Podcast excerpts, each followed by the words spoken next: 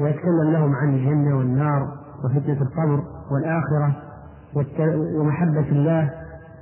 وهو خوف من الله. يكون مجلسه مؤتلفا متحدا. ما في تشعبات ولا أهواء. وفي خشية وفي علم حقيقي وهو خشية الله. أما إذا كانوا يدرسون المسائل وتوليد المسائل فإنهم ما يقومون إلا متفرقين ومختصمين ومتجادلين وضاعت الأوقات وفنية الأعمار. في أي شيء. فلذلك بعض الفقه لا بد من دراسته معرفة الحلال والحرام فرض. لكن لا بد أن يختلط ذلك بدراسة الخشية علم الخشية. الزهد الورع الرقائق المواعظ. لا بد أن طالب العلم يجمع وإلا طالب العلم سيكون وضعه سيء للغاية إذا اشتغل فقط بالفقه وترك المواعظ والرقائق. فهذا رجل لما رأى عنده الطلبة كثرت المسائل في الحلقة قال قوموا إلى حلقة فقه هذه حلقة فيها مواعظ. اذهبوا إليه يلين قلوبكم. هذه المسائل خفت القلوب وهذا فقه عظيم من الرجل. وقال أحمد بن شبويه من أراد علم القبر فعليه بالآثار ومن أراد علم الخبز فعليه بالرأي يعني وربما بعضهم كان يشترط من المدرسة أن يكون فيها من هو درس مذهب فلان جمع كذا مسألة وعرف كذا جواب فيسهل عليه أنه يشتغل ويأخذ راتب في هذه المدرسة ويصير عليه جرايات من الأوقاف. لكن قد يكون الذي يدرس علم الخشية لا يجد مثل هذه المزايا. لأن من أول مثل ما تقول أنا مثلا طبيب مهندس من أول كان الذي يدرس الفقه يعني الفقيه أو الذي يدرسون في المسائل الفقهية أعلى الرتب. يعني في الأول. لكن للفقهاء أنواع. منهم من جمع بين الفقه وخشية الله ومنهم من جمع من, من اقتصر على توليد المسائل والافتراضات والاشياء فهذا إنسان قاسي القلب. ولذلك هم يقعون في آثام بسبب عدم خشيتهم لله والطريق الوسط الذي سار عليه أئمة الهدى كالشافعي وأحمد وإسحاق وأبي عبيد ومن سلك مسلكهم هؤلاء الذين نجوا. فإذا لابد من قصد وجه الله سبحانه وتعالى والتقرب إلى الله بمعرفة معاني ما أنزل. الآن في ناس ما يعرفون معاني القرآن ولا معاني الأحاديث. ويروح يشتغل في المسائل يقول لو صار كذا ولو صار كذا.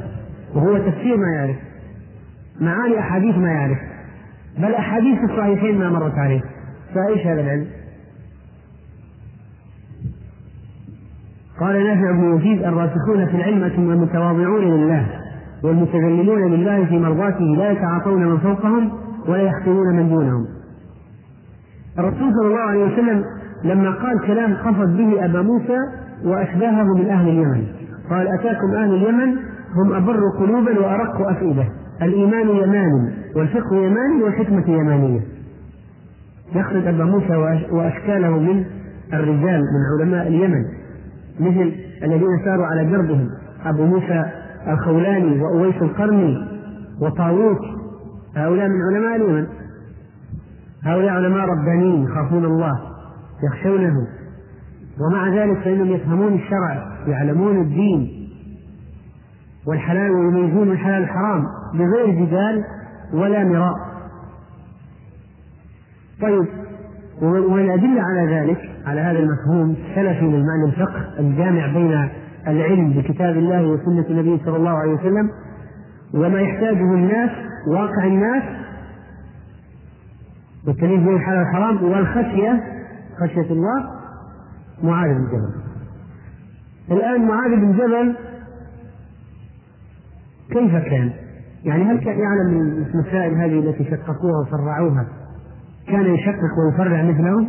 لا لكن الرسول عليه الصلاة والسلام قال عن معاذ بن جبل أنه يأتي يوم القيامة وقد سبق العلماء رتوة بحجر. يعني رمية حجر. معاذ بن جبل أما هو إمام العلماء. يأتي بينه وبينهم رمية حجر. يقدمهم يوم القيامة. طيب فإيش؟ كثير من هذه المسائل ما اشتغل فيها معاذ رضي الله عنه ولا شيء.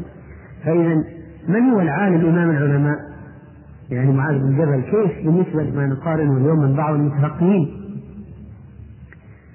و لما سئل الإمام أحمد رحمه الله من نسأل بعدك؟ إذا أنت مت من نسأل بعدك؟ قال عبد الوهاب الوراق.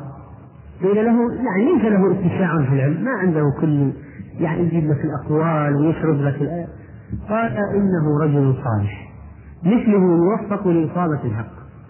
فإذا المسألة ما هي مسألة فقط كثرة معرفة كثرة الأقوال. في ناس قد يعرفون أقوال كثيرة في المسألة لكن ما يصيب الحق. وفي ناس قد يعرف يعرف يعني الأقوال المشهورة ويعرف معاني القرآن والسنة ويصيب الحق. فنحن نريد الثمرة والفائدة ولا لا؟ نريد إصابة الحق. إيش الفرق؟ واحد عنده عشرة أقوال في المسألة لكن لا يعرف الحق. الواحد فيها والحق. واحد يعلم معاني كتاب الله وسنة النبي صلى الله عليه وسلم قد يخ الصحيح وميزه ونظر في خلاف أهل العلم المعتبر يوفق لإصابة الحق. وإن كان دائرة معلوماته أقل. لكن الخشية التي في قلبه والاهتمام على لذلك تجد العلماء الربانيين يعني إذا نظرت مثلا في مكتباتهم وكذا ما تجد كتب بعضهم ما عنده كتب كثيرة ما عنده كتب كثيرة. بل بعض المكتبات أقل من مكتبات بعضنا نحن لكن ينظر ويتكلم و صحيح لأنه يعلم يعلم الأدوات الحقيقية اللازمة للاجتهاد. ويعلم الكتب المباركة التي فيها العلم النافع يطلع فيها. وكثير من هذه المجلدات والتحقيقات تخرج ليس له فيها اشتغال. فالمسألة إذا قضية هذه. و كثرة الوقوع يعني كثرة الاشتغال بالوقائع عن الاشتغال بالأوامر والنواهي هو ضد مقصود الشارع، مقصود الشارع يشتغل في تحقيق الأوامر واجتناب النواهي، هذا أكثر شيء، هذا الذي دل عليه الحديث. فالذي يمتثل أمر النبي صلى الله عليه وسلم وينتهي عنه ويشتغل به في حياته يعني حياته تقضى في الاشتغال في تحقيق الأوامر واجتناب النواهي هذا الرجل الذي يكون مسددا وموفقا وتحصل له النجاة. وليس الرجل الذي شقق وفرع وعرف أو ألم بأقوال كثيرة جدا. إنما هلك الذين من قبلنا بكثرة مسائلهم واختلافهم على أنبيائهم. ولذلك بعض الأقوال الفقهية أنت أحيانا تبحث لك مسألة تجد عشر عشرة أقوال. في منها يمكن نصفها لا يعبده بالدليل بل هو بعيد عن الدليل بل هو كلام متهافت صح ولا لا؟ ولذلك استبعادات سهلة. الاستبعادات يعني في البداية. لكن لو واحد يعرف المصادر الصحيحة التي تؤخذ من الأقوال المعتبرة ما يستغني عن أن يجمع له في جميع المذاهب وأقوال كل العلماء في المسألة وقوله صلى الله عليه وسلم فإذا نهيتكم عن شيء فاجتنبوه وإذا أمرتكم بأمر فأتوا منه ما استطعتم ذكرنا في المرة الماضية أن النهي أشد من الأمر وأن الناس إطاقتهم لاجتناب النواهي أكثر من إطاقتهم لفعل إيش؟ المأمورات وسنتكلم عن شيء يتعلق بالأوامر والنواهي ونختم الكلام عن الحديث إن شاء الله في المرة القادمة. والله أعلم. صلى الله وسلم على نبينا محمد. الحمد لله رب العالمين. وصلى الله وسلم وبارك على نبينا محمد وعلى آله وصحبه أجمعين. وبعد. فنحن لازلنا في شرح الحديث. حديث لازلنا في شرح الحديث حديث أبي هريرة رضي الله عنه قال سمعت رسول الله صلى الله عليه وسلم يقول ما نهيتكم عنه فاجتنبوه وما أمرتكم به فاتوا ما استطعتم. فإنما أهلك الذين من قبلكم كثرة مسائلهم واختلافهم على أنبيائهم. رواه البخاري ومسلم. وكنا قد وصلنا في شرح الحديث إلى قوله إلى مسألة الأمر والنهي وتلخيصا لما تقدم من الكلام على قضية الاشتغال بالتشريعات وترك الاشتغال بالمأمورات والانتهاء عن المنهيات.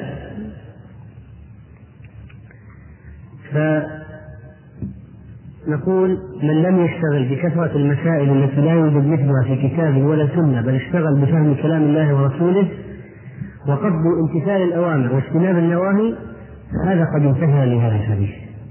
وعمل بمقتضاه أما الذي لا يشتغل بفهم الكتاب والسنة وإنما يشتغل بكثرة بتوليد المسائل التي قد تقع وقد لا تقع. ويتكلف أجوبتها بمجرد الرأي خشي عليه أن يكون مخالفا لهذا الحديث. ولذلك نقول إن كثرة وقوع الحوادث التي لا أصل لها في الكتاب والسنة إنما هو من ترك الاشتغال بما أمر الله به ورسوله ونهى لو الناس يشتغلون بما أمر الله ورسوله صلى الله عليه وسلم وينتهون عما نهى الله عنه ورسوله كان ما صارت لنا كثير من الأشياء هذه الموجودة الآن من القضايا. هذه فائدة أخرى. نحن كنا نذكر فوائد كثيرة أمس في قضية تشريع المسائل لقضية الاشتغال بأمر الله ورسوله وترك التشريعات التي لا طائل من ورائها فمن الفوائد العظيمة أيضا التي نذكرها ونضيفها إلى ما سبق أن الناس لو اشتغلوا بالمأمورات وانتهوا عن المنهيات ما حصلت كثير من التشريعات الموجودة. كان كفينا كثير من المسائل هذه. فعلى مثلا في قضايا الآن تتعلق مثلا بأطفال الأنابيب وقضايا متعلقة بكثير من القضايا الحديثة التي نتجت عن مخالفة أمر الله ورسوله. مثلا أعطيكم مثال. أخذوا بويضة من امرأة. ولقحوها بحيوان. ووضعوها في رحم امرأة أخرى. وجاء الولد. وبعدين اختلفوا. الولد لمن؟ ولد صاحبة البويضة ولا ولد التي حملته في بطنها وولدته؟ المسألة هذه الآن التي يقال إنها حصلت هل حصل بأي سبب حصلت؟ بأي سبب حصلت؟ ها؟ بسبب تعالى أمر الله هل يجوز شرعا أن تأخذ بويضة من امرأة تضعها في رحم امرأة أخرى؟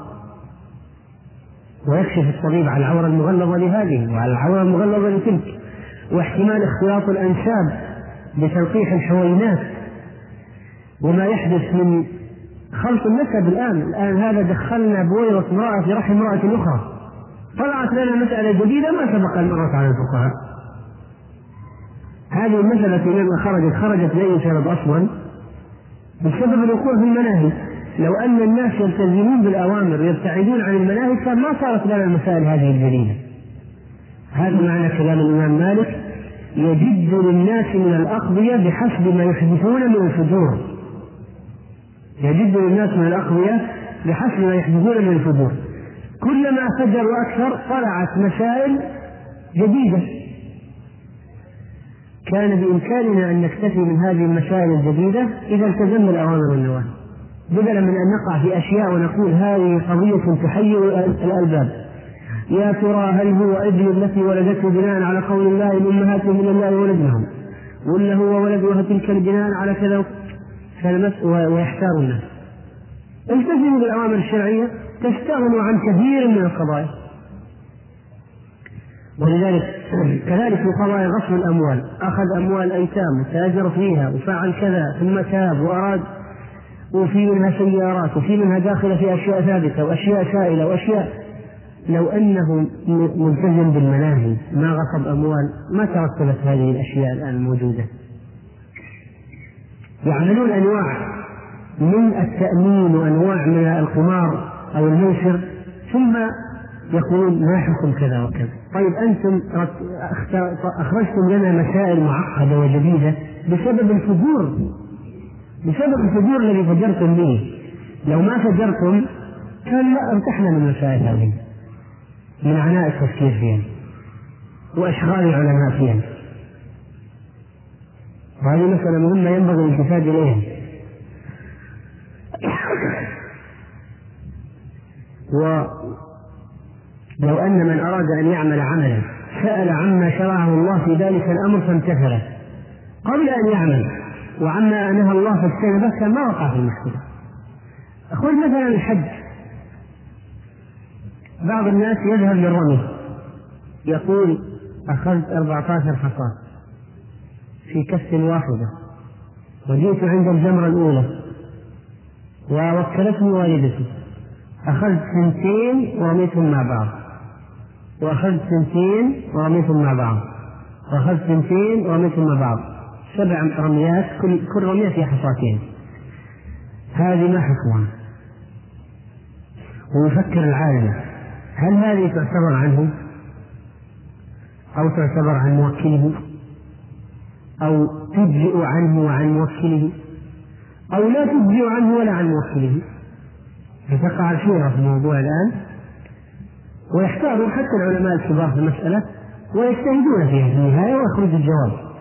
لكن لو هذا الرجل قبل أن يذهب ليرمي سائل عن الطريقة الصحيحة وأخبر أنك ترمي سبع حصيات أولا عن نفسك ثم سبعا عن موكلك كل سبعة منفصلة سبعتك منفصلة عن سبعة موكلك كل حصاة برمية. هل كان احتجر للمسألة هذه؟ فلأنهم ما يسألون عما أمر الله به كيف يفعل وعما نهى الله عنه. وإنما يفعل بعدين يسأل تطلع مسائل جديدة. وهذا الآن في العالم كثير ولذلك يا جماعة هذا الحديث والله حديث عظيم. ما نهيتكم عنه فاجتنبوه وما أمرتكم به فأتوا منه ما استطعتم. فإنما أهلك الذين من قبلكم كثرة مسائلهم واختلافهم على أنبيائهم. فتقع الحوادث عامتها بسبب مخالفة ما شرع الله وربما عسر ردها إلى الأحكام واحتار العالم احتار العالم في تخريجها بسبب فجور الناس. و يتبين لنا أن من امتثل ما أمر ما أمر به النبي صلى الله عليه وسلم في هذا الحديث وانتهى عما نهى عنه واشتغل بتحقيق الأوامر والانتهاء عن النواهي اشتغل عن غيرها من الترهات لحصلت له النجاة في الدنيا والآخرة.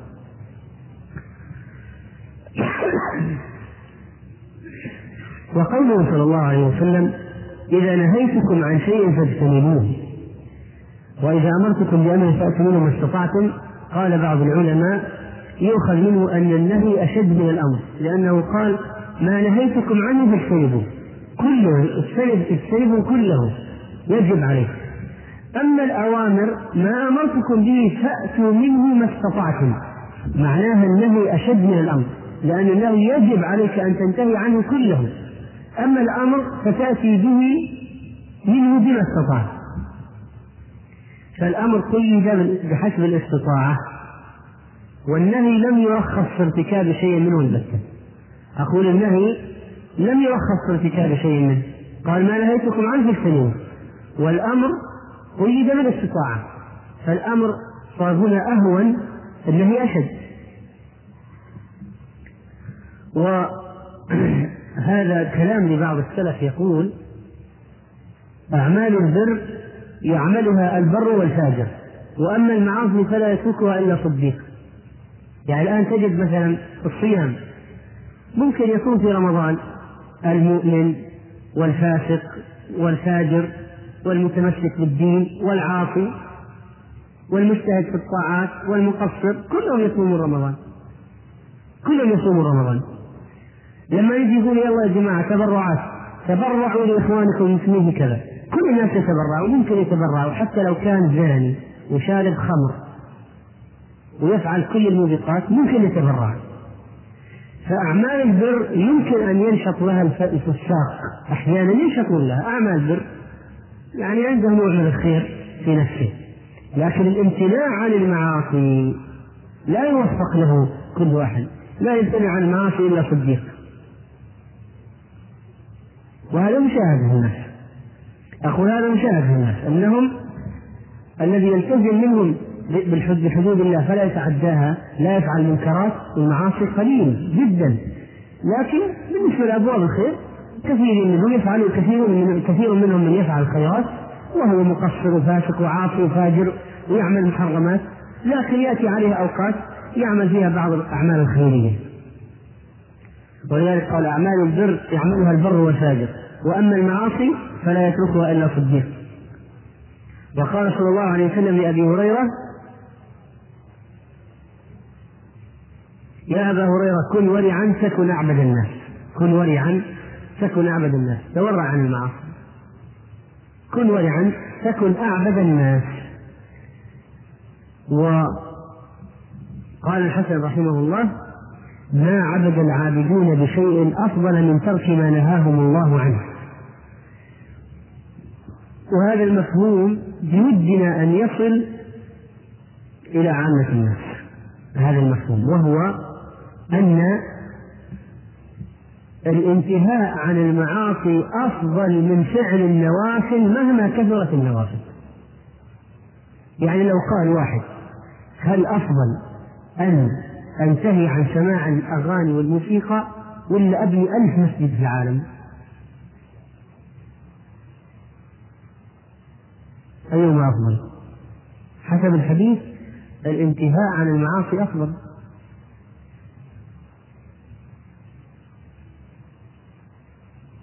هذه مسألة يصعب يصعب فهمها لكثير من الناس. ولذلك انظر إلى الآثار التي جاءت عن السلف. قال بعض السلف ترك دانق يعني ريال مثلا شيء بسيط مما يكره الله أحب إلي من خمسمائة حجة يعني لو أترك ريال حرام ما آخذه أحسن لي من خمسمائة حجة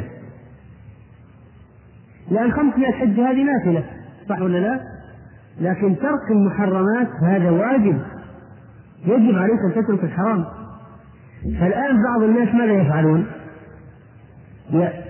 يكسبون حرام ما عنده مانع يدخل في مقاولات ويرشي ويأخذ أموال محرمة ويغصب ويسرق وينهب ويرابي ثم بعد ذلك يبني له مسجد ويطلع له عشر حجات ويضحي لأموات ويكفل الأيتام يقول له تعال شوف هذه الخيرات كلها التي فعلتها هذا تطوع نافلة.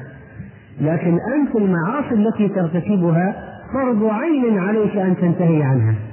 وهذا الذي فرض الله عليك عينا أن تنتهي عنه انتهاؤك عنه أفضل من كل المساجد والحجات والأضاحي اللي طلعتها التي أخرجتها نافلة هذا المفهوم غائب عن عن العامة في هذا الزمن. هذا غير يقول لا يعني أنا يعني عندي معاصي أعرف نفسي عندي أموال محرمة وعندي محرمات. لكن أنا في نفس الوقت أعمل نوافل. الحمد لله بنينا مساجد والحمد لله كفلنا أيتام والحمد لله نتصدق ودعمنا الصومال والسودان والأفغانستان والجهاد. وعملنا أشياء كثيرة. لكن نقول له تعال أنت الذي فعلته نافلة. والذي ارتكبته حرام يجب عليك عينا أن تنتهي عنه. فتركك للحرام أحب إلى الله من كل النوافل التي فعلتها. هذا مفهوم مهم يا جماعة يجب أن يفهم وينقل إلى العامة لأن العامة عندهم مشكلة في هذا. حتى أنا سمعت واحد من الخطباء هداه الله. يغلط الناس. قال رأى رجل شخصا يحمل سرة على رأسه أو كفة.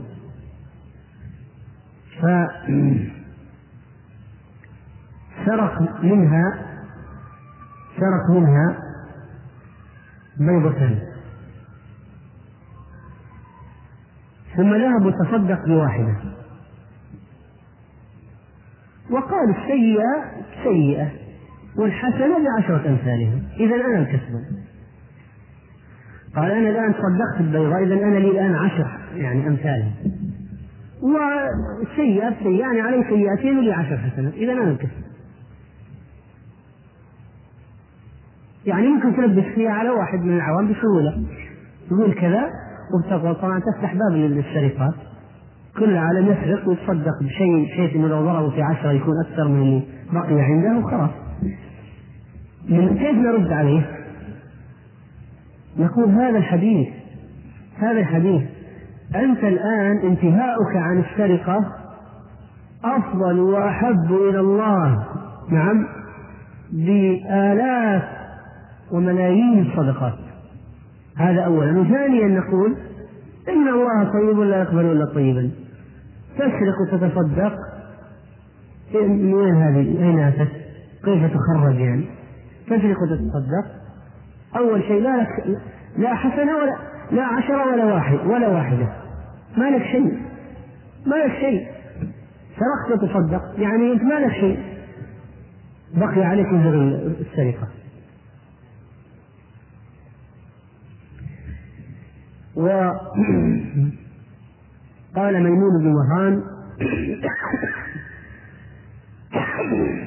قال ميمون بن مهران ذكر الله باللسان حسن وأفضل منه أن يذكر الله الله العبد عند المعصية فيمسك عنها.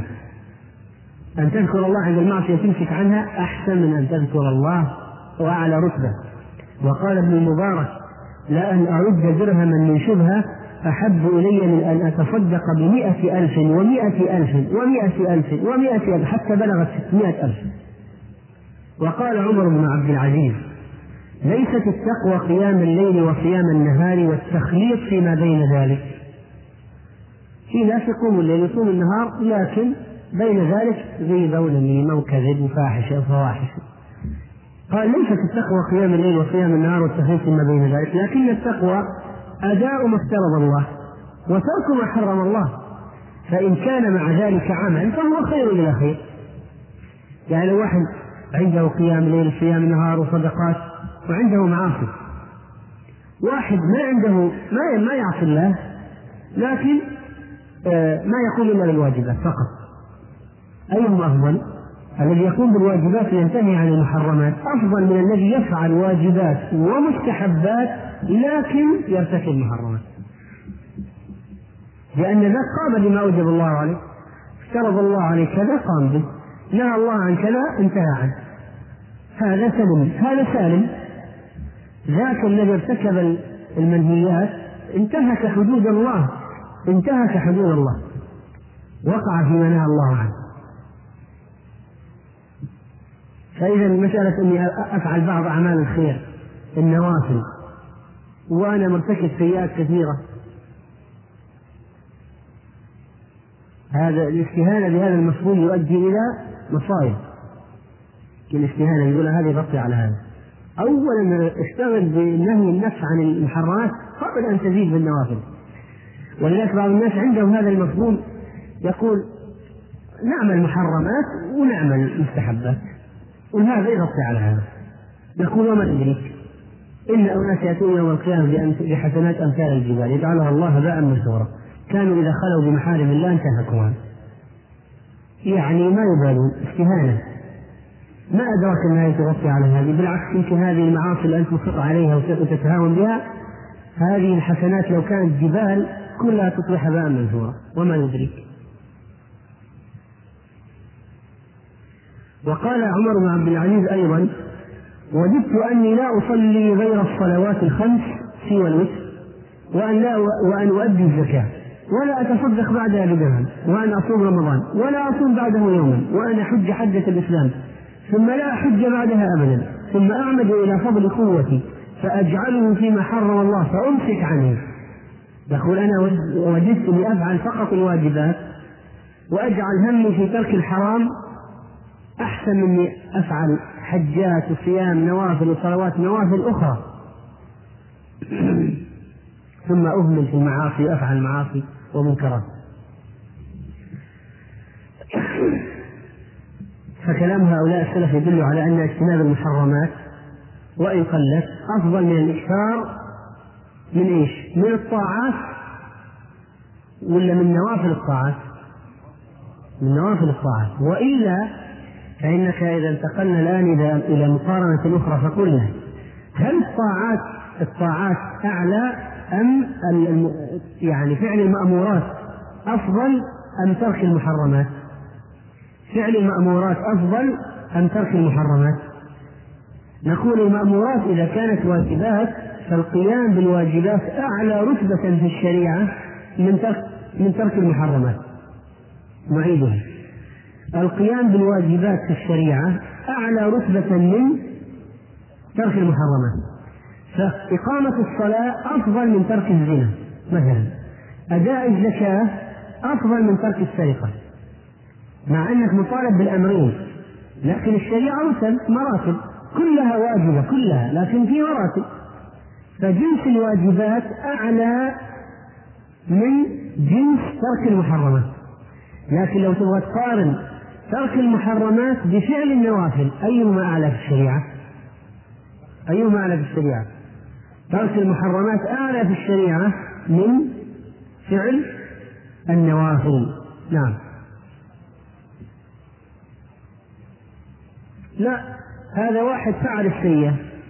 ماذا يفعل؟ ما هو المخرج الشرعي؟ أتبع السيئة بالحسنة تنهى إن الحسنات يذهبن السيئات هو ما يأمرك أن تفعل السيئة ثم تتبعها بحسنة. هو يقول إذا إذا صار سيئة ويجب عليك أن لا تفعل السيئة. لكن إذا صار في مخرج شرعي. افعل حسنة وراءنا وفعل المأمور فعل المأمور يحتاج إلى شرائط وأسباب لأن العمل يتوقف على وجود الأسباب والشرائط الشرعية للقيام بالعمل. فمثلا إذا أردت أن تصلي فلا بد أن تستر العورة وتستقبل القبلة وتتطهر وتطهر البقعة ونظافة الثوب من النجاسة إلى آخره. هذه الشرائط ينبغي القيام بها أعمال لكن ترك المحرمات ما يحتاج إلى إجراءات. خلك معي القيام بالواجبات ومأمورات في الغالب يحتاج إلى تحقيق شروط. صح ولا لا؟ تفعل إجراءات لكي تقوم بالطاعة. أما الانتهاء عن المعصية ما يحتاج إجراءات لأن المسألة عبارة عن منع النفس فقط. ولذلك الشارع الحكيم قال ما نهيتكم عنه فاجتنبوه لأنه ليس إلا أن تمنع نفسك فقط. ما في إجراءات إلا منع مجاهدة النفس. لكن ما أمرتكم به الشارع يعلم أن بعض العباد سيعجز عن بعض الشروط. فأتوا منه ما استطعتم. فهذا رجل مثلا يريد أن يصلي لكنه مريض عاجز عن فرض القيام. لكنه لا يستطيع أن يغسل أعضاء الوضوء لأن جسده مليء بالجروح والتقيحات. فماذا يفعل؟ يأتي بما استطاع يغسل الذي يستطيع ويتيمم عن ما يستطيع. ما يستطيع يصلي قائم يصلي قاعد. لذلك قال ما أمرتكم به فأتوا منه ما استطعتم. لماذا؟ لأن الأوامر في الشريعة فيها شروط وواجبات فيها آه، أسباب لا بد من القيام بها يعني في إجراءات معينة. وهذه الأشياء بعض العباد قد يعجز عنها أو عن بعضها في بعض الأحوال. فلذلك قال فأتوا منه ما استطعتم.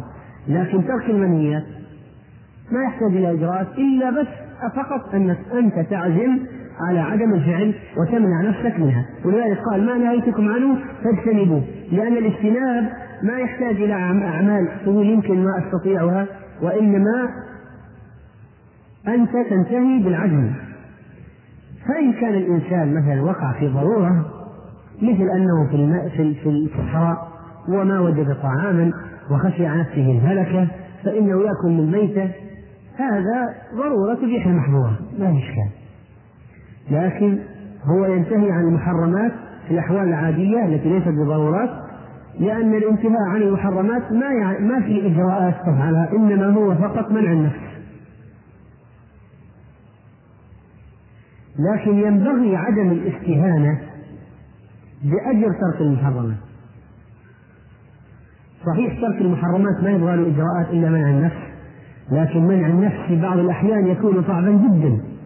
بحيث الإنسان يكون أجره عظيم على ترك المحرمات. سبعة يظلهم الله في ظله يوم لا ظل إلا ظله. ورجل دعته امرأة ذات منصب وجمال إلى نفسها فقال إني أخاف الله رب العالمين. هذا الآن يحتاج أن يمتنع فقط. لكن امتناعه أجره عظيم. لأن الحاجة الدافع إلى فعل المحرم قوية. جذبته بمنصبها وجمالها وهي التي كلمته. وما بقي حاجزا إلا وانهار هي التي دعته فماذا بقي؟ ولا شيء. ولذلك كان صبره على عن كان صبره عن هذه المعصية عن هذه المعصية يعني منع نفسه الوقوع فيها له أجر عظيم. له أجر عظيم. فينبغي عدم الاجتهاد. يعني لما نقول أن ترك المحرمات ما يحتاج إجراءات ما يعني أنه يعني أو أن جنس المحرمات دون فعل الواجبات. ما يعني أن أنك أن الأجر فيها يسير أو بسيط؟ ما لك إلا قليل. لا لك أجر عظيم. وبعض الناس يتعلق نفوسهم بمحرمات يسهل عليهم ترك محرم لكن ما يسهل عليه ترك محرم آخر. فأحيانا يختال بنفسه أنه ترك حرام لكنه لا ينتبه إلى جاءني واحد شخص قال مرة أما أنا فأنا أقول لك عن نفسي أنا سافرت. والحقيقة آه، أما بالنسبة للفواحش يعني الزنا حقيقة أني وقعت في الزنا. لكن الخمر والله ما شربتها. قلت هذه أشربها في الجنة. ما شاء الله. إذا يعني هو مسكين ضحى وامتنع عن المعاصي عن الخمر يظن نفسه عمل شيئا عظيما. قال هذه أتركها للجنة. طيب وهذه يمكن توردك من ذلك فالشاهد أن بعض الناس ممكن يصبر عن شهوة دون شهوة أخرى. بعض الناس ممكن أن يثنى أن لا يقع في المعاصي والزنا لكن ما يستطيع أن لا يأكل مال الحرام. شهوة أكل الحرام عنده عالية جدا. ما يستطيع أن ما يأكل بعض أجور بعض العمال.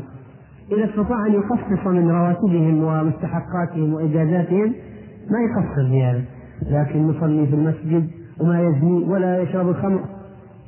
فأين الورع؟ هل الورع هو أن نتورع عن بعض المعاصي ونرتكب بعض الآخر؟ أم أن الورع عن كل المعاصي؟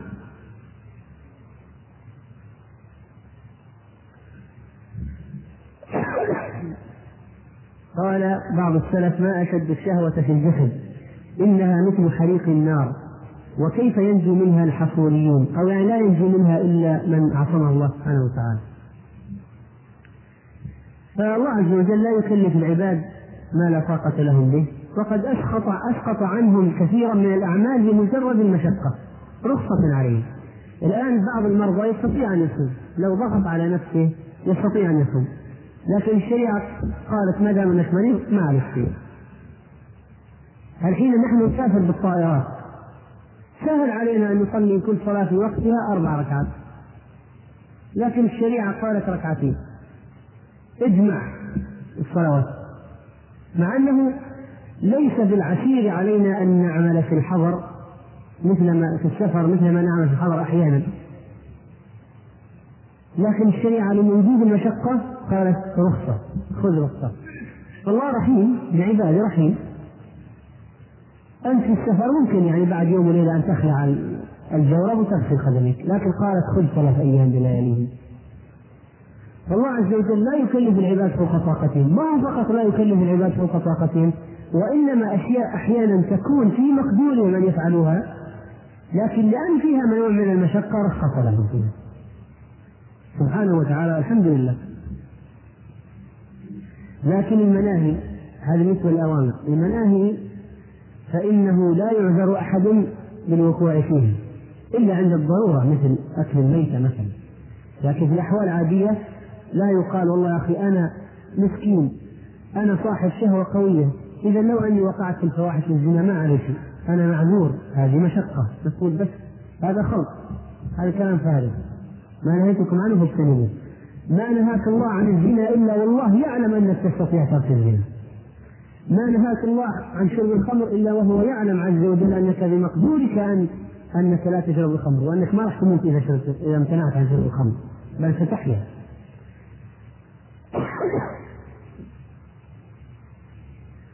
فلم يعذر أحدا بارتكاب المعاصي بقوة الداعي والشهوات بل كلفهم تركها على كل حال. وما أباح لهم من تناول الأطعمة المحرمة في حالات الضرورة إنما هو بقدر الضرورة وليس للتلذذ يعني حتى ارتكاب المحرم للضرورة ما هو مفتوح. قال إذا حصل ضرورة خلاص. افعل ما شئت من محرم لا. قال خذ بقدرها. بينما الرخص تترخص بما شئت. لو واحد قال أنا يوميا أذهب إلى مثلا مكان كذا خط الرياض وأرجع. مسافة سفر كل يوم.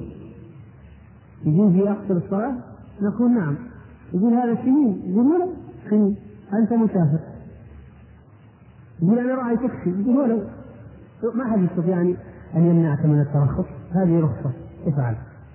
هذه مجال فعل المأمورات فيها رخص أما المحرمات أولا لابد أن ينتهي. ثانيا لو وقع في ضرورة ما المجال ما هو مفتوح له. مثل رخص المأمورات ما هو مفتوح. وإنما يقول خذ بقدر الضرورة. فأنت ما تاكل من الميتة تلذذا واستكثارا. وشبعا وملأ للبطن وإنما تأخذ لقيمات يقلن صلبك ويمنع يمنعن الهلاك عنك فقط فقط يمنعن الهلاك عنك. ومن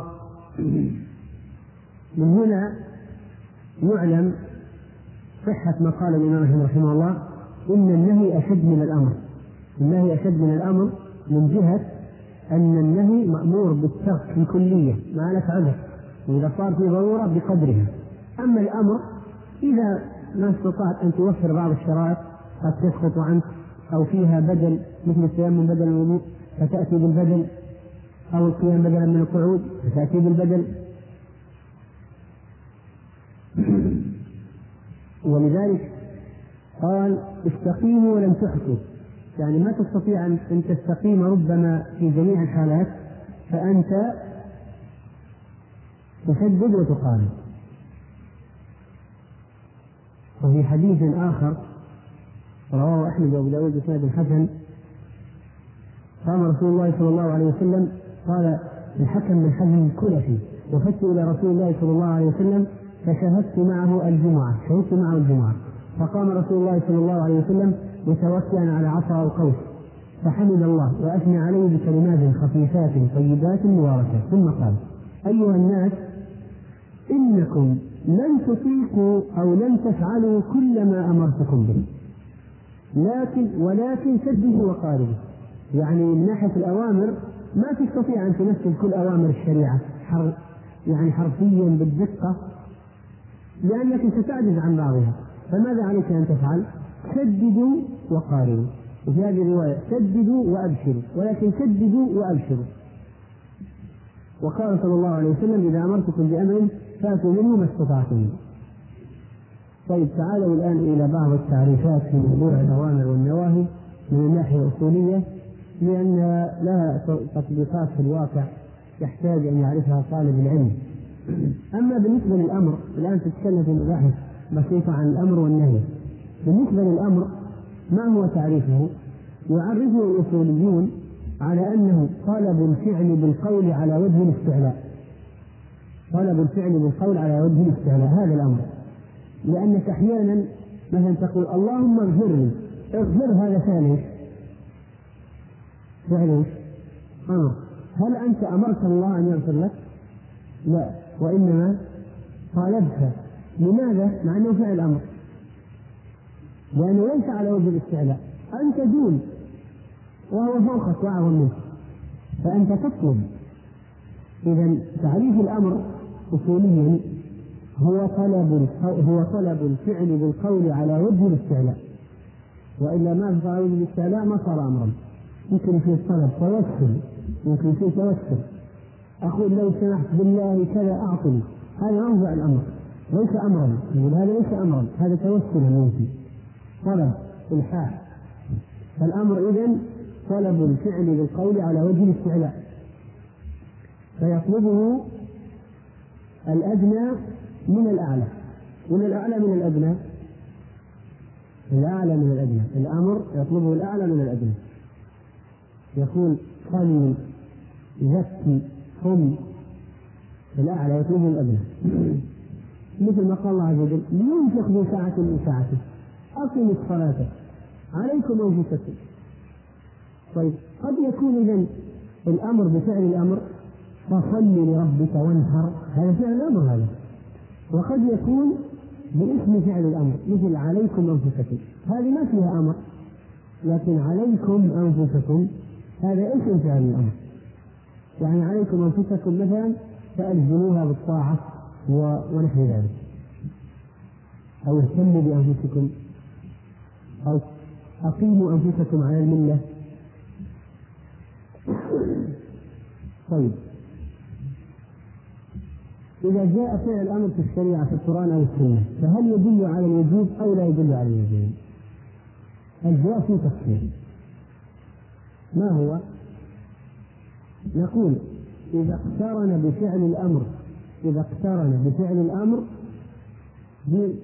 بشيء يدل على الوجوب فإنه في هذه الحالة لا شك في وجوب الحكم على المكلف.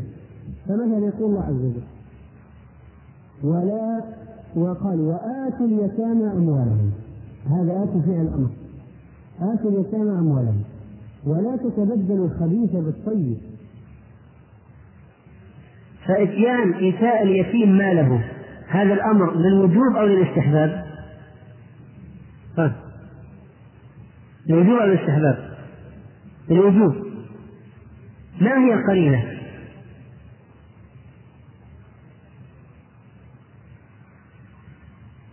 نعم ترك الخبيث لأنه وصفه لأنه وصفه تسميته خبيثا يدل على وجوب إيتائه لصاحبه لما سماه خبيثا بالنسبة لك دل على وجوب أن ترجعه وتعيده وتؤديه إلى صاحبه. طيب والقرينة أحيانا تكون حالية قد لا تكون موجودة في نفس السياق لكن تكون حالية. مثلا الآمر قد يأتي بنبرة صوته مثلا أو قوة كلامه وشدة لهجته وقسمات وجهه ما يدل على أنه يأمر بأمر لا بد فيه من التنفيذ. إيجاب. قد يكون بالمقال وقد يكون بالحال. وهذا ما يبين فضل الصحابة لأنهم كانوا موجودين مع النبي عليه الصلاة والسلام فهم يرونه لما يتكلم نحن الآن في أشياء كثيرة نقول هذا الأمر الإيجاب ولا الاستحباب لكن الصحابة ما طرأ عليهم مثل هذا في كثير من الحالات بسبب أنهم كانوا مع النبي عليه الصلاة والسلام فهم يرونه ويفهمون من طريقة إلقائه ونبرة صوته وكلامه ما يعرفهم هل هو هل هو أمر إيجاب أو أمر استحباب. ثانيا أن يقترن الحالة الثانية أن يقترن بالأمر ما يدل على أنه للاستحباب. الأولى ما يقترن أن يقترن بالأمر ما يدل على أنه للوجود. الثانية أن يقترن بالأمر ما يدل على أنه للاستحباب مثل إيش؟ مثلا قال صلوا قبل المغرب صلوا قبل المغرب صلوا قبل المغرب هذه أوامر قال في الثالثة لمن شاء فعلمنا أن الأمر ليس للإلزام والوجوب وإنما استحباب. لماذا؟ ما هي القرينة؟ قوله لمن شاء. لو كان إيجاب كما قرنه بمشيئتك أنت يا أيها الشخص. تصلي أو لا تصلي كما تشاء. لا. فإذا ركعتين قبل المغرب يعني بين الأذان والإقامة طبعا مو قبل المغرب يعني وقت النهي بين الأذان والإقامة قبل صلاة المغرب قبل الفريضة هذه استحبت. أن تصلي الحمد لله تؤجر ما تريد أن تصلي ما عليك أجر. طيب لو خلا السياق عن قرينة.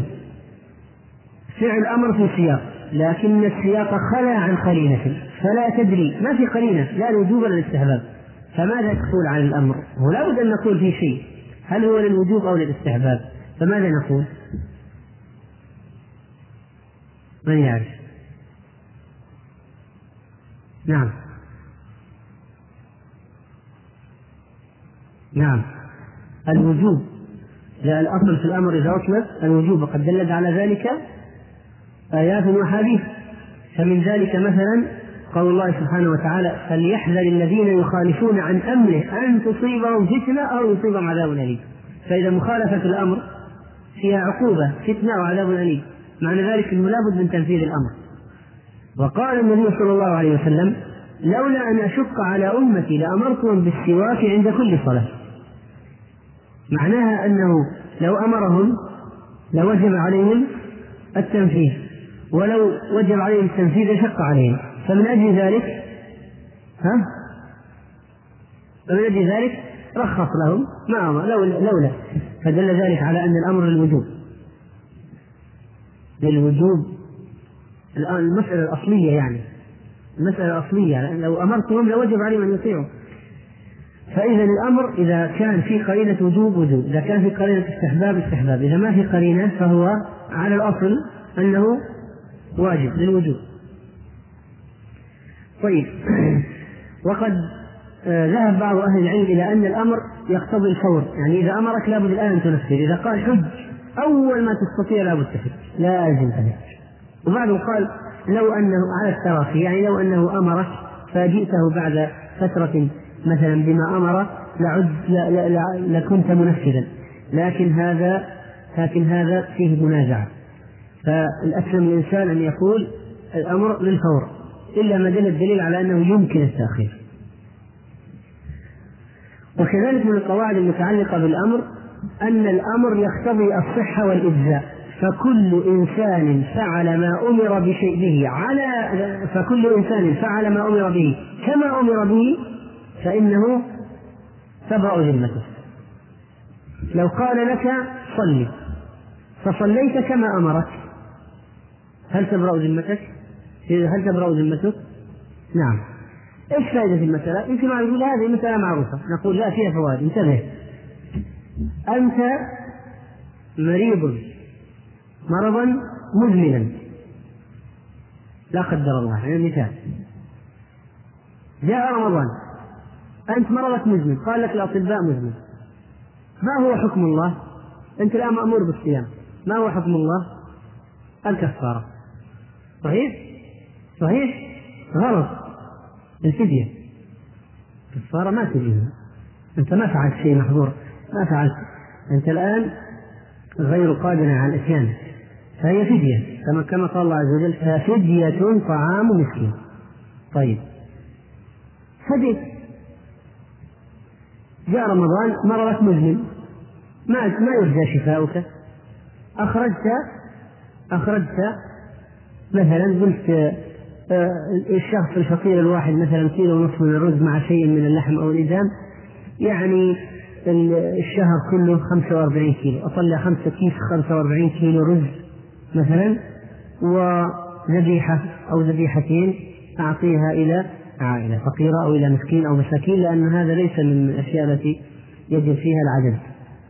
مسكين عن كل يوم فلو أعطيتهم كل مسكين واحد صحيح. فطلعتها كيس رز وذبيحتين مثلا أو كرتونين دجاج المهم أعطيتهم إلى عائلة فقيرة أو واحد فقير. ماذا ماذا فعلت الآن أنت؟ قمت بما أمرت به كما أمرت به ففدية من ففدية طعام مسكين بعد فترة شفاك الله هل يجب عليك القضاء أو لا يجب؟ الجواب لا يجب عليك لأنك أنت لما أمرت بشيء فأتيت به كما أمرت ونفذت الأمر برئت ذمتك أم لا؟ فلما شفيت ذمتك بريئة ولا لا؟ ما زالت بريئة ما هي مشغولة ذمتك ليست مشغولة بدين الله يجب قضاؤه ذمتك برئت بالإطعام خلاص مثال آخر رجل أقسم بالله ثم حنث في يمينه فماذا عليه؟ كفارة. ولا فدية؟ كفارة بنص كتاب الله. فكفارته إطعام عشرة مساكين. أو كسوتهم أو تحرير رقبة. طيب فهذا الذي حلف وحنث في يمينه. ما عنده مال يستطيع إطعام عشرة مساكين. ولا كسوتهم ولا يستطيع تحرير رقبة. أو ما وجد مساكين. ماذا فعل؟ انتقل التي بعدها. فمن لم يستطع فصيام ثلاثة أيام. صام ثلاثة أيام. قال ابن مسعود متتابع وقال الجمهور غير لا يشترط التتابع. صام ثلاثة أيام. بعد ما صام ثلاثة أيام جاء واحد قال لقيت لك عشر مساكين. أو مات مات له ميت فورث عنه. أو جاءته هدية مالية فصار عنده أموال ووجد المساكين. مثلا هل نقول آه أنت الآن لازم تطعم عشرة مساكين أو تعتق رقبة أو تكسو عشر مساكين هل هذا صحيح؟ لا لأنه أمر بشيء وهي الكفارة. ففعلها كما أمر بها. ما استطاع هذا فانتقل الذي بعده. برئت ذمته برئت ذمته نعم. فإذا لا مجال إلى إشغال ذمته مرة أخرى وقد برئ ولا سبيل إلى إعادة تكليفه بالدرجة الأولى من درجات الكفارة وقد كان عاجزا عن الإتيان بها. فانتقل إلى تليها بعذر شرعي وقام به كما أمره الله. خلاص برئ الذمة. فإذا هذه قاعدة مهمة من قواعد الأمر وهي الأمر يقتضي الصحة والإجزاء. مثال ثالث. رجل في طريق سفر لا يجد ماء للصلاة. فجاء حضر وقت الصلاة.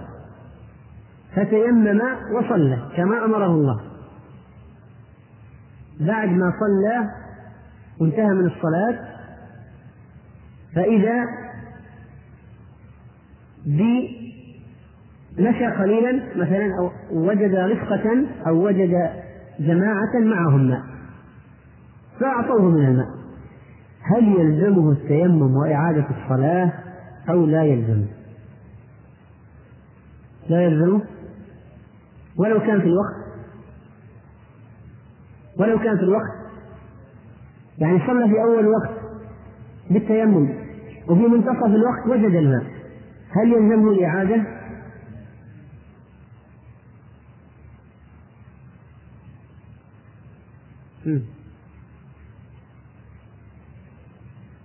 يعني بدأت تتلخلخ القواعد. نحن الآن قعدنا قاعدة وكل ما أعطيناكم حكمة ها يعني خلاص إحنا قررنا يا أخي. الأمر يقتضي الصحة والإجزاء. لما لما صلى كما أمره الله بالتيمم برئت ذمته صحت صلاته خلاص. لا سبيل إلى إعادة إشغال ذمته مرة أخرى ولا ولا إلى إيجاب الصلاة عليه مرة أخرى. مسألة في الأصول أيضا في الأمر. الأمر هل هو هل الأمر يقتضي الوجوب دائما؟ طبعا بينا أنه قد يقتضي الاستحباب لقرينة. لكن إذا كان الأمر بعد مانع الأمر ورد بعد منع. إذا ورد الأمر في الشريعة في القرآن أو السنة بعد منع. مثلا كان في منع بعدين جاء أمر. كان يقول لا تفعلوا ثم جاء أمر يقول افعلوا. طيب. افعلوا هذه اللي جاءت بعد المنع. الأمر الذي جاء بعد المنع يفيد الوجوب أو لا يفيد الوجوب؟ اشتهر عند بعضهم قولة مقولة الأمر بعد المنع يفيد الإباحة. لكن هذا قد لا يسلم بإطلاق. صحيح هذا هو الغالب لكن قد لا يسلم بإطلاق وإنما يفصل فيه فيقال إذا كان الأمر الذي بعد المنع على شيء واجب أصلا فإنه يجب. فمثلا الحائض قبل ما تحيض كانت تصلي ثم جاءها الحيض فمنعت من الصلاة. قال صلى الله عليه وسلم إذا أقبلت حيضتك فدع الصلاة. هذا وش هذا؟ ماشي. إذا أقبلت حيضتك فدع الصلاة. هذا الحكم منعها من الصلاة. فإذا أدبرت حيضتك يعني انتهت فاغسلي عنك الدم وصلي. فالأمر هنا جاء بعد منع المنع فدع الصلاة. الأمر اغسلي وصلي. هذا الأمر يفيد إيش؟ الوجوب لأنها كانت قبل المنع الصلاة عليها واجبة فإذا نعود إلى الأصل الذي كان قبل المنع ننظر فيما قبل المنع هذه القاعدة طيب مثال آخر كنت نهيتكم عن زيارة القبور ألا فزوروها إيش كانت زيارة القبور؟ أول أول شيء إيش كان زيارة القبور؟ ولا واحد جاوب صح. ها؟ ها؟ مستحبة. كانت مستحبة. يزوروا القبور ثم منعهم منها. صح ولا لا؟ ثم رجع فأمرهم بها. فقال كنت نهيتكم عن زيارة القبور يعني كانوا يزورون ثم منعهم نهاهم لعلة. كنت نهيتكم عن زيارة القبور ألا تزوروها؟ فكلمة زوروها أمر. هذا الأمر إيش يفيد؟ الاستحباب. لماذا؟ لأن الوضع قبل المنع كان استحباب. فلما زال المنع بإتيان الأمر رجعنا إلى الأصل وهو الاستحباب.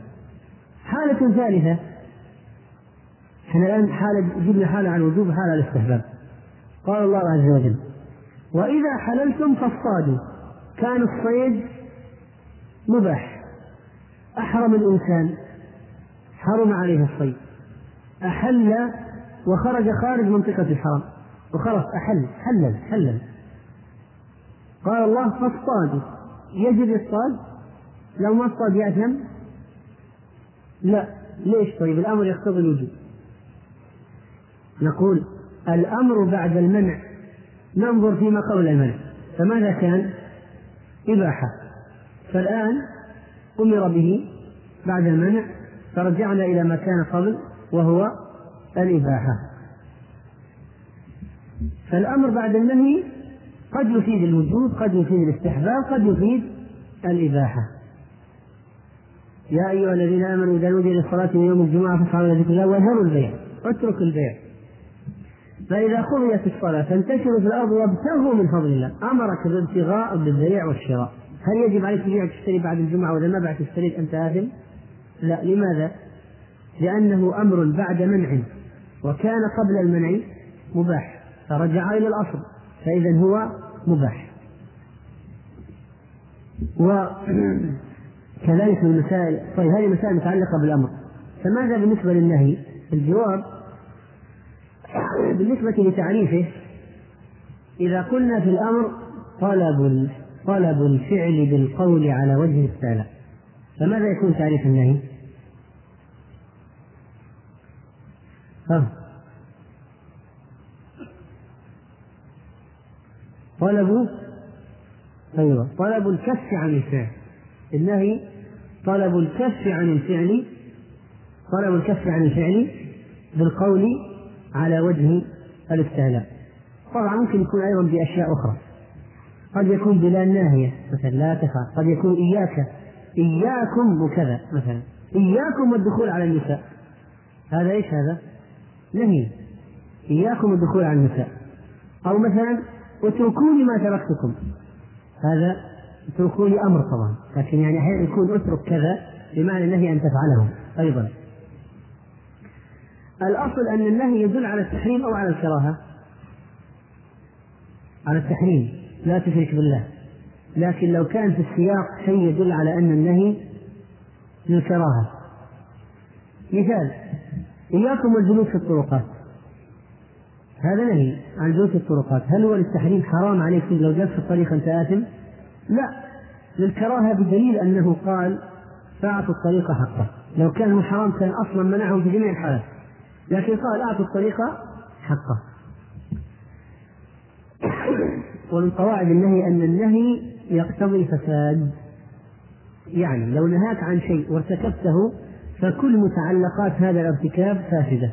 فمثلا لو نهاك عن البيع والشراء بعد النداء الثاني رحت اشتريت شيء رحت اشتريت سواك. المؤذن أذن وأنت جاي للمسجد قلت السواك هذا سنة.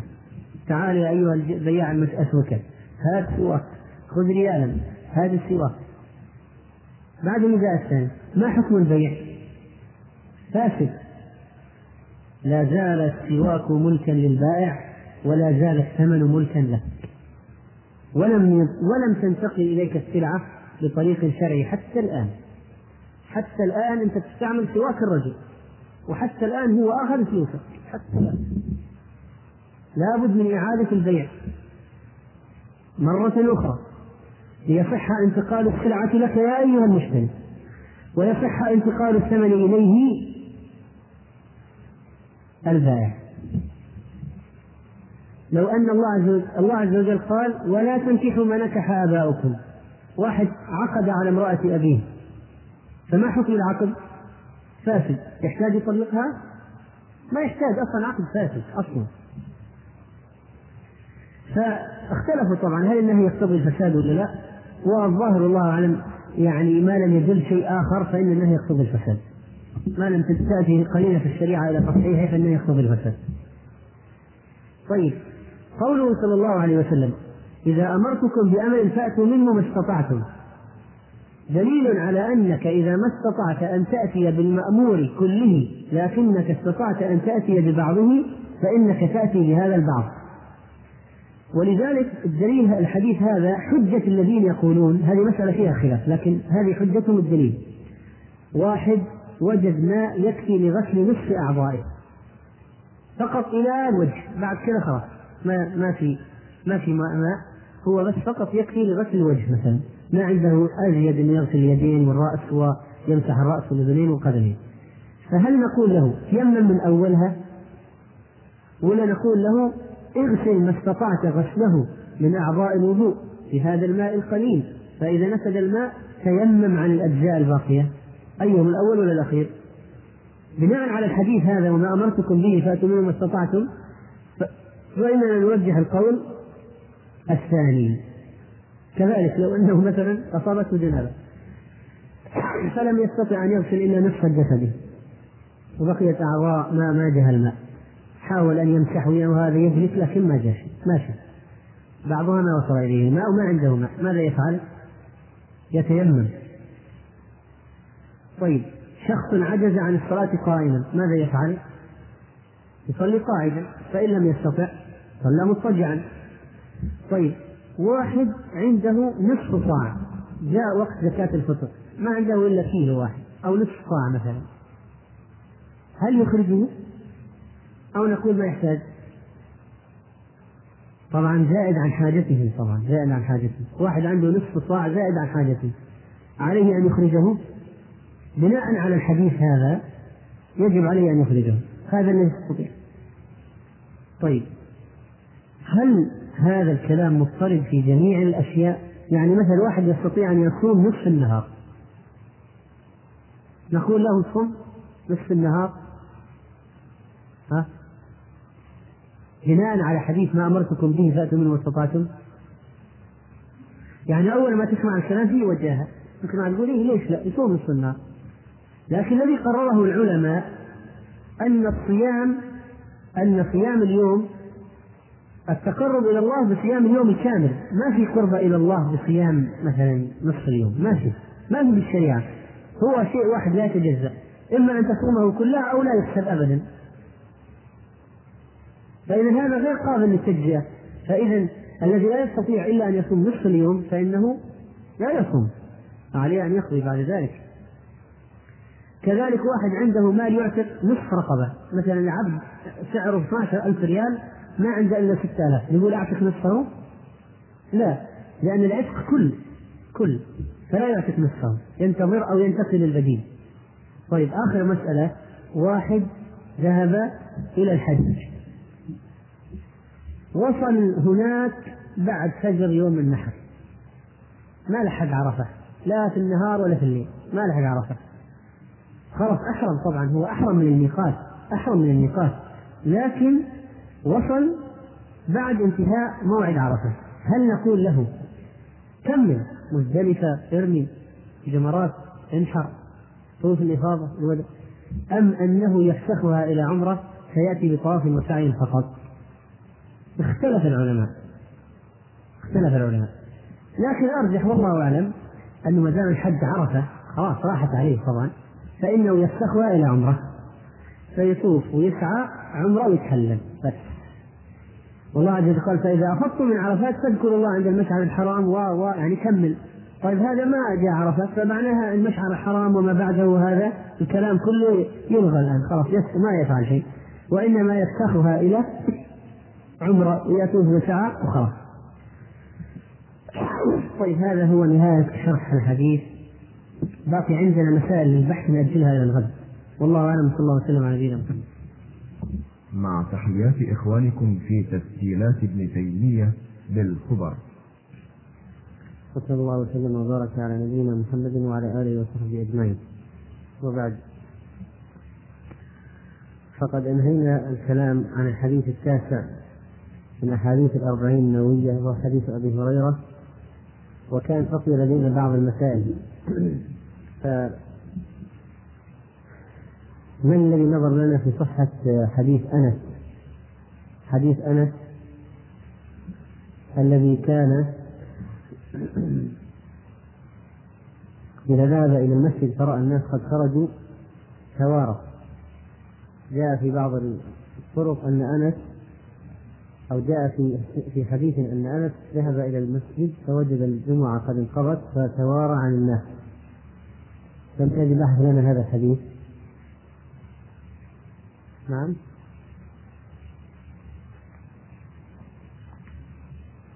الحديث بحثه واحد من الإخوان. أظنه قال قال الهيثمي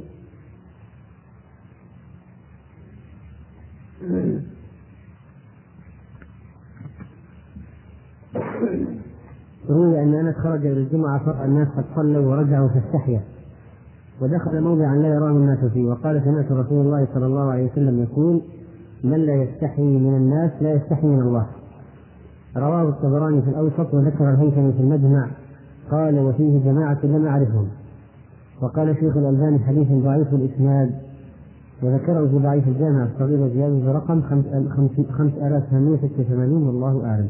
هذا بالنسبة للمرفوع من لا يستحي الناس والقصة التي جاءت عند الطبراني قال الهيثمي فيه جماعة لم أعرفهم.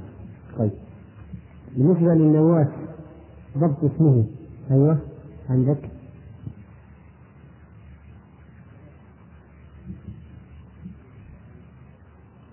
في تقريب التهذيب قيل بفتح أوله أو بكسرها. يعني كلاهما وارد. النواس بن سمعان أو النواس بن سمعان. أو كلاهما وارد. طيب. كان في مسألة أخرى. عند من؟ كان عندنا مسألة. البحث. لا يمكن حديث سابق. ما في أحد عنده مسائل؟ طلبنا بحثها. خلاص الآن نأتي بمسائل طيب اليوم الحديث العاشر. من يسرد لنا الحديث؟ تفضل. الحديث العاشر أكل الحلال. عن أبي هريرة رضي الله عنه قال قال رسول الله صلى الله عليه وسلم إن الله تعالى طيب لا يقبل إلا طيبا وإن الله أمر المؤمنين بما أمر به المرسلين فقال تعالى يا أيها الرسل كلوا من الطيبات واعملوا صالحا وقال تعالى يا أيها الذين آمنوا كلوا من طيبات ما رزقناكم. ثم ذكر الرجل يطيل السفر أشعث أغبر يمد يديه إلى السماء. يا رب يا رب ومطعمه حرام ومشربه حرام. وملبسه حرام وغذي بالحرام فأنا يستجاب له. رواه مسلم. هذا الحديث رواه الإمام مسلم رحمه الله في صحيحه. وأخرجه من رواية قبيل بن مرزوق وهو ثقة وسط ولذلك لم يخرجه البخاري لأنه ليس على شرطه وقوله صلى الله عليه وسلم في الحديث إن الله طيب. إن الله طيب. الطيب هو المنزه معنى إن الله طيب يعني منزه عن النقائص والعيوب. يعني مقدس. وقد جاء في أحاديث أخرى ذكر بعض أجزاء هذا الحديث أو شواهد لأجزاء هذا الحديث والان نريد أن نعرف هل الطيب من اسماء الله أم لا هل الطيب من أسماء الله؟ إن الله طيب هذا من أسماء الله ولا لا؟ أيوه صفة أيوه. نعم. ليش؟ يعني لابد يكون أحط بالأسماء. المعروفة أو على الأقل عندك مراجعة لها حتى تدري. طيب إذا قلنا إن الله طيب هذه صفة فليست من الأسماء. فليست من الأسماء. و فنحتاج أن نراجع. واحد يتأكد لنا. نريد بحث في الموضوع هل من أسماء الله طيب ولا لا؟ تبحث عندك بحث؟ ما عندك بحث؟ النواس سمعان ولا سمعان؟ سمعان يقول يجوز الوجهان طيب إذا تبحث هذه طيب هل الطيب من أسماء الله ولا لا؟ أما أنه صفة فلا إشكال هذا الحديث نص على أنه صفة أما الأسماء باب الأسماء أضيق من باب الصفات صح ولا لا؟ فلا يجوز أن نسمي الله بما لم يسمي به نفسه. ونتوقف على الدليل فإذا جاء الدليل بالاسم سميناه به. لأن الأسماء من الإنشاء أو من الإخبار. من الإنشاء. وباب الإنشاء أضيق من باب الإخبار. والناس في أسماء الله سبحانه وتعالى قد ذهبوا مذاهب شتى فمنهم من سماه بغير ما سمى به نفسه مثل الفلاسفة الذين قالوا هو العقل الكامل مثلا أو قالوا هو هو عاشق ومعشوق. ونحو ذلك فهؤلاء الذين سموا الله بغير أسماء قالوا هو هو علة فاعلة.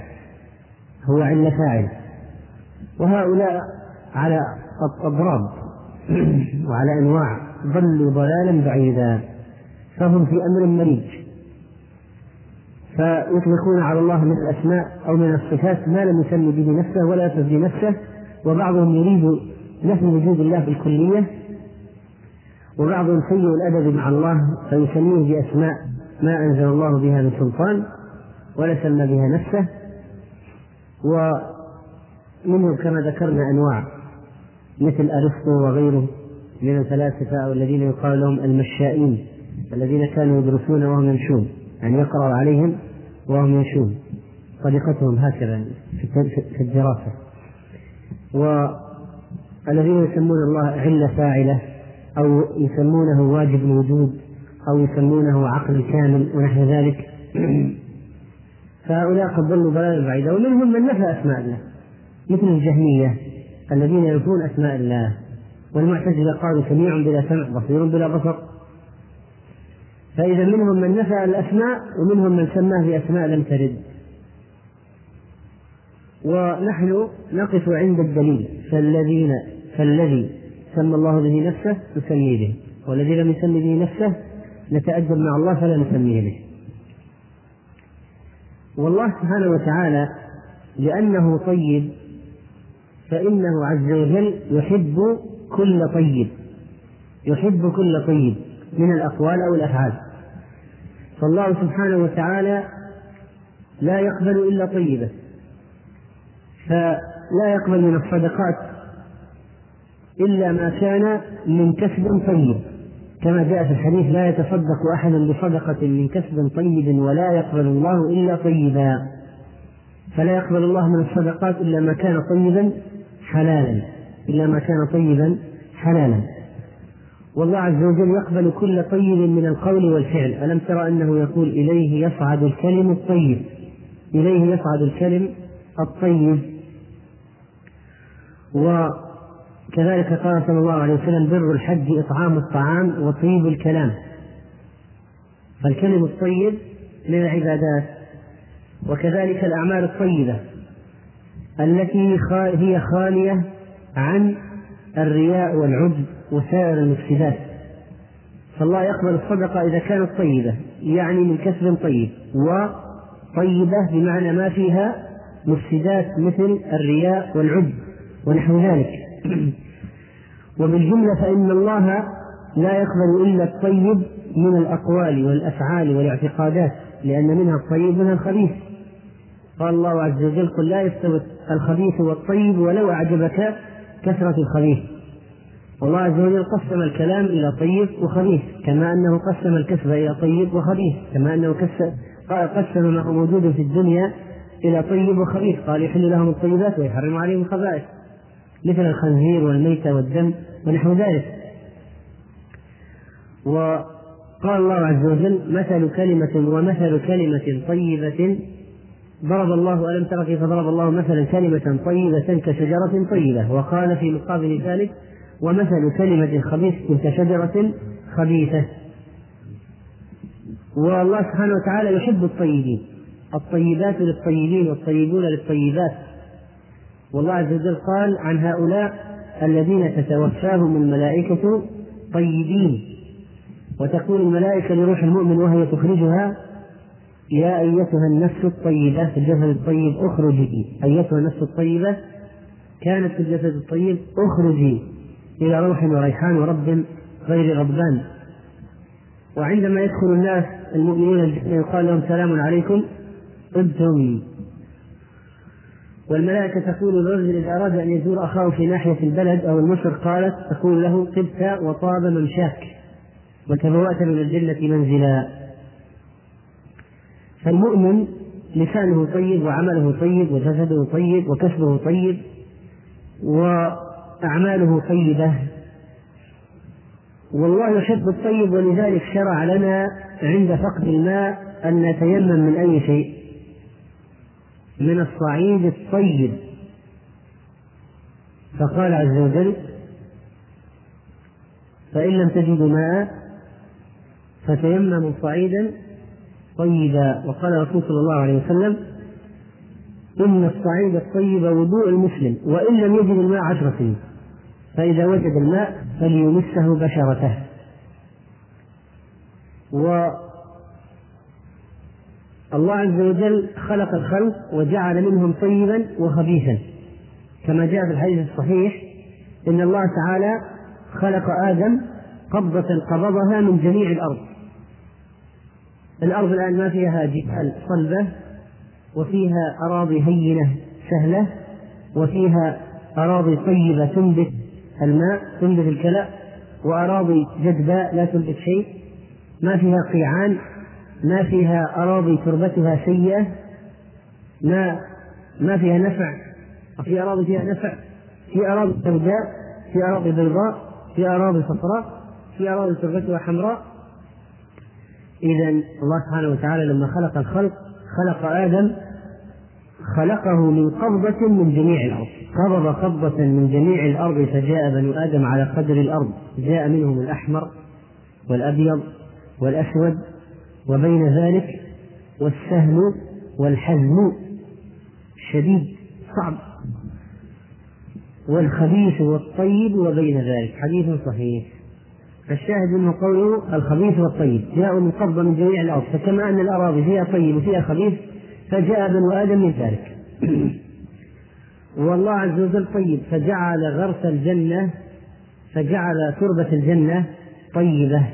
قال رسول الله صلى الله عليه وسلم أكثر من غرس الجنة فإنه عذب ماؤها طيب ترابها فأكثر من غراسها. فما هو غراسها؟ لا حول ولا قوة إلا بالله. وأيضا سبحان الله والحمد لله ولا إله إلا الله ولا حول ولا قوة إلا بالله والله أكبر. طيب. ولا حول ولا قوة إلا بالله كنز من كنوز الجنة. وفي هذه الرواية فأكثر من غراسها لا حول ولا قوة إلا بالله.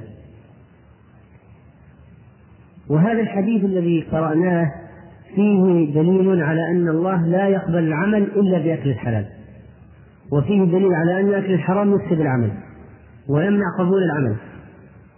فالله عز وجل يقول الرسول صلى الله عليه وسلم قال إن الله لا يقبل إلا طيبا وإن الله أمر المؤمنين بما أمر به المرسلين فقال يا أيها الرسل كلوا من الطيبات واعملوا صالحا. يا أيها الذين آمنوا كلوا من طيبات ما رزقناكم. فالرسل والأمم كلهم مأمورون بالأكل من الطيبات التي هي الحلال وبالعمل الصالح أيضا مأمورين به. ليس فقط أكل من الطيبات وإنما العمل الصالح. فإذا كان الأكل حلالا كان العمل طيبا مقبولا. فإذا كان الأكل غير حلال فكيف يكون العمل مقبول؟ ورد الدعاء من أسبابه أكل الحرم. أما بالنسبة للتصدق بالكسب الخبيث غير الطيب فإن العلماء قد اختلفوا في من حج بمال حرام. أو صلى في ثوب حرام. هل يسقط عنه فرض الحج وتسقط عنه فرض الصلاة؟ أو تسقط عنه الصلاة. والروايات الحديث هذا يدل على أن الله لا يتقبل العمل إذا كان الإنسان يباشر الحرام. إن الله طيب لا يقبل إلا طيبا. لكن القبول هنا على نوعين. إما أن يكون قبول بمعنى الثواب وذكره في الملأ الأعلى وإما أن يكون بمعنى القبول بمعنى الصحة. الصحة. يعني يجزئ يعني عمل يجزئ يعني صحيح. قبله يعني صح وأجزى عنك هذا معنى. المعنى الآخر قبله يعني جزاك عليه الثواب وذكرك في الملأ الأعلى. وإذا قلنا بأن الله سبحانه وتعالى لا يقبل صلاة المسبل أو صلاة الآبر أو صلاة المرأة إذا كان زوجها عليها غاضب أو صلاة الذي يأتي عرافا أو كاهنا ليسأله عن شيء مجرد السؤال ولو بغير تصديق لا يقبل صلاته أربعين يوما أو شارب الخمر لا تقبل له صلاة أربعين يوما. فهل عدم القبول هنا يعني أنها لا تصح ولا تجزئ يجب أن يعيدها أم أنها تصح وتجزئ وتسقط عنه لكن ما له ثواب؟ فيكون القبول هنا بمعنى عدم القبول يعني نفي الثواب ما له ثواب. لا يتقبل منه العمل يعني لا ليس له شيء عليه لا يجزى عليه بشيء ولا يمدح عليه ولا يثني الله عز وجل عليه ولا يباهي به الملائكة. الظاهر أن هذا أقرب الظاهر أن هذا أقرب ولعله هو المراد من قول الله عز وجل إنما يتقبل الله من المتقين. فيعني يتقبل يعني يجزيهم يعني يفيدهم يتقبل الله من المتقين. ولذلك كان السلف يخشون على أنفسهم أن لا يتقبل منهم الله يعني لا لا يجازيهم على أعمالهم لا يثيبهم عليها وسئل الإمام أحمد عن المتقين قال الذي يتقي الأشياء فلا يقع فيما لا يحل له. وجاء عن أبي عبد الله الساجي رحمه الله قال خمس خصال بها تمام العمل الإيمان بمعرفة الله عز وجل ومعرفة الحق. يعني لابد أن تعرف الله وتعرف الحق تعرف الحلال من الحرام تعرف الحق تعرف الحق في أسمائه وصفاته تعرف الحق في الإيمان تعرف الحق في المنهج. فلا بد أن تعرف الله هذا أولا أن تعرف الحق.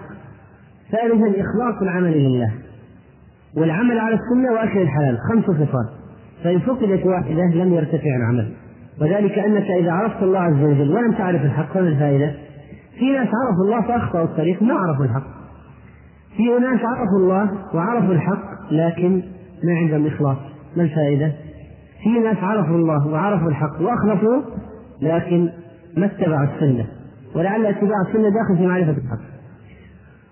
ومنهم من فعل كل ذلك لكن كسبه حرام. فكيف يرتفع له عمل؟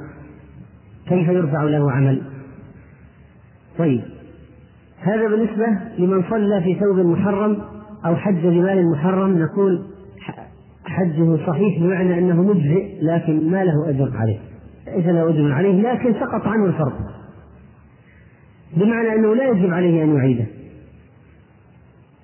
لكن يعيده استحبابا يعني يأتي بحجة أخرى. وهناك مسألة يعني بعض الناس يسأل عنها يقول إذا أنا صليت صلاة ثم دخلني فيها شيء هي صلاة فرض مثلا. هل يجوز أني أنقض النية؟ أقول يعني خلاص هذه اللي صليت أنا بلغيها وأجيب حج صلاة فرض أخرى بدلا منها. أو واحد حج حجة لكن يعني فيها أخطاء وهو يعني جادلنا وتكلمنا بأشياء سيئة وما اتبعنا السنة. مضبوط. فهل يستطيع بعد أن انتهت الحجة أن يقول سألغي نية سألغيها هذه اللي راح سألغيها أعتبرها نافلة. وأتي الآن بحجة فريضة. هذا شعور يوجد عندك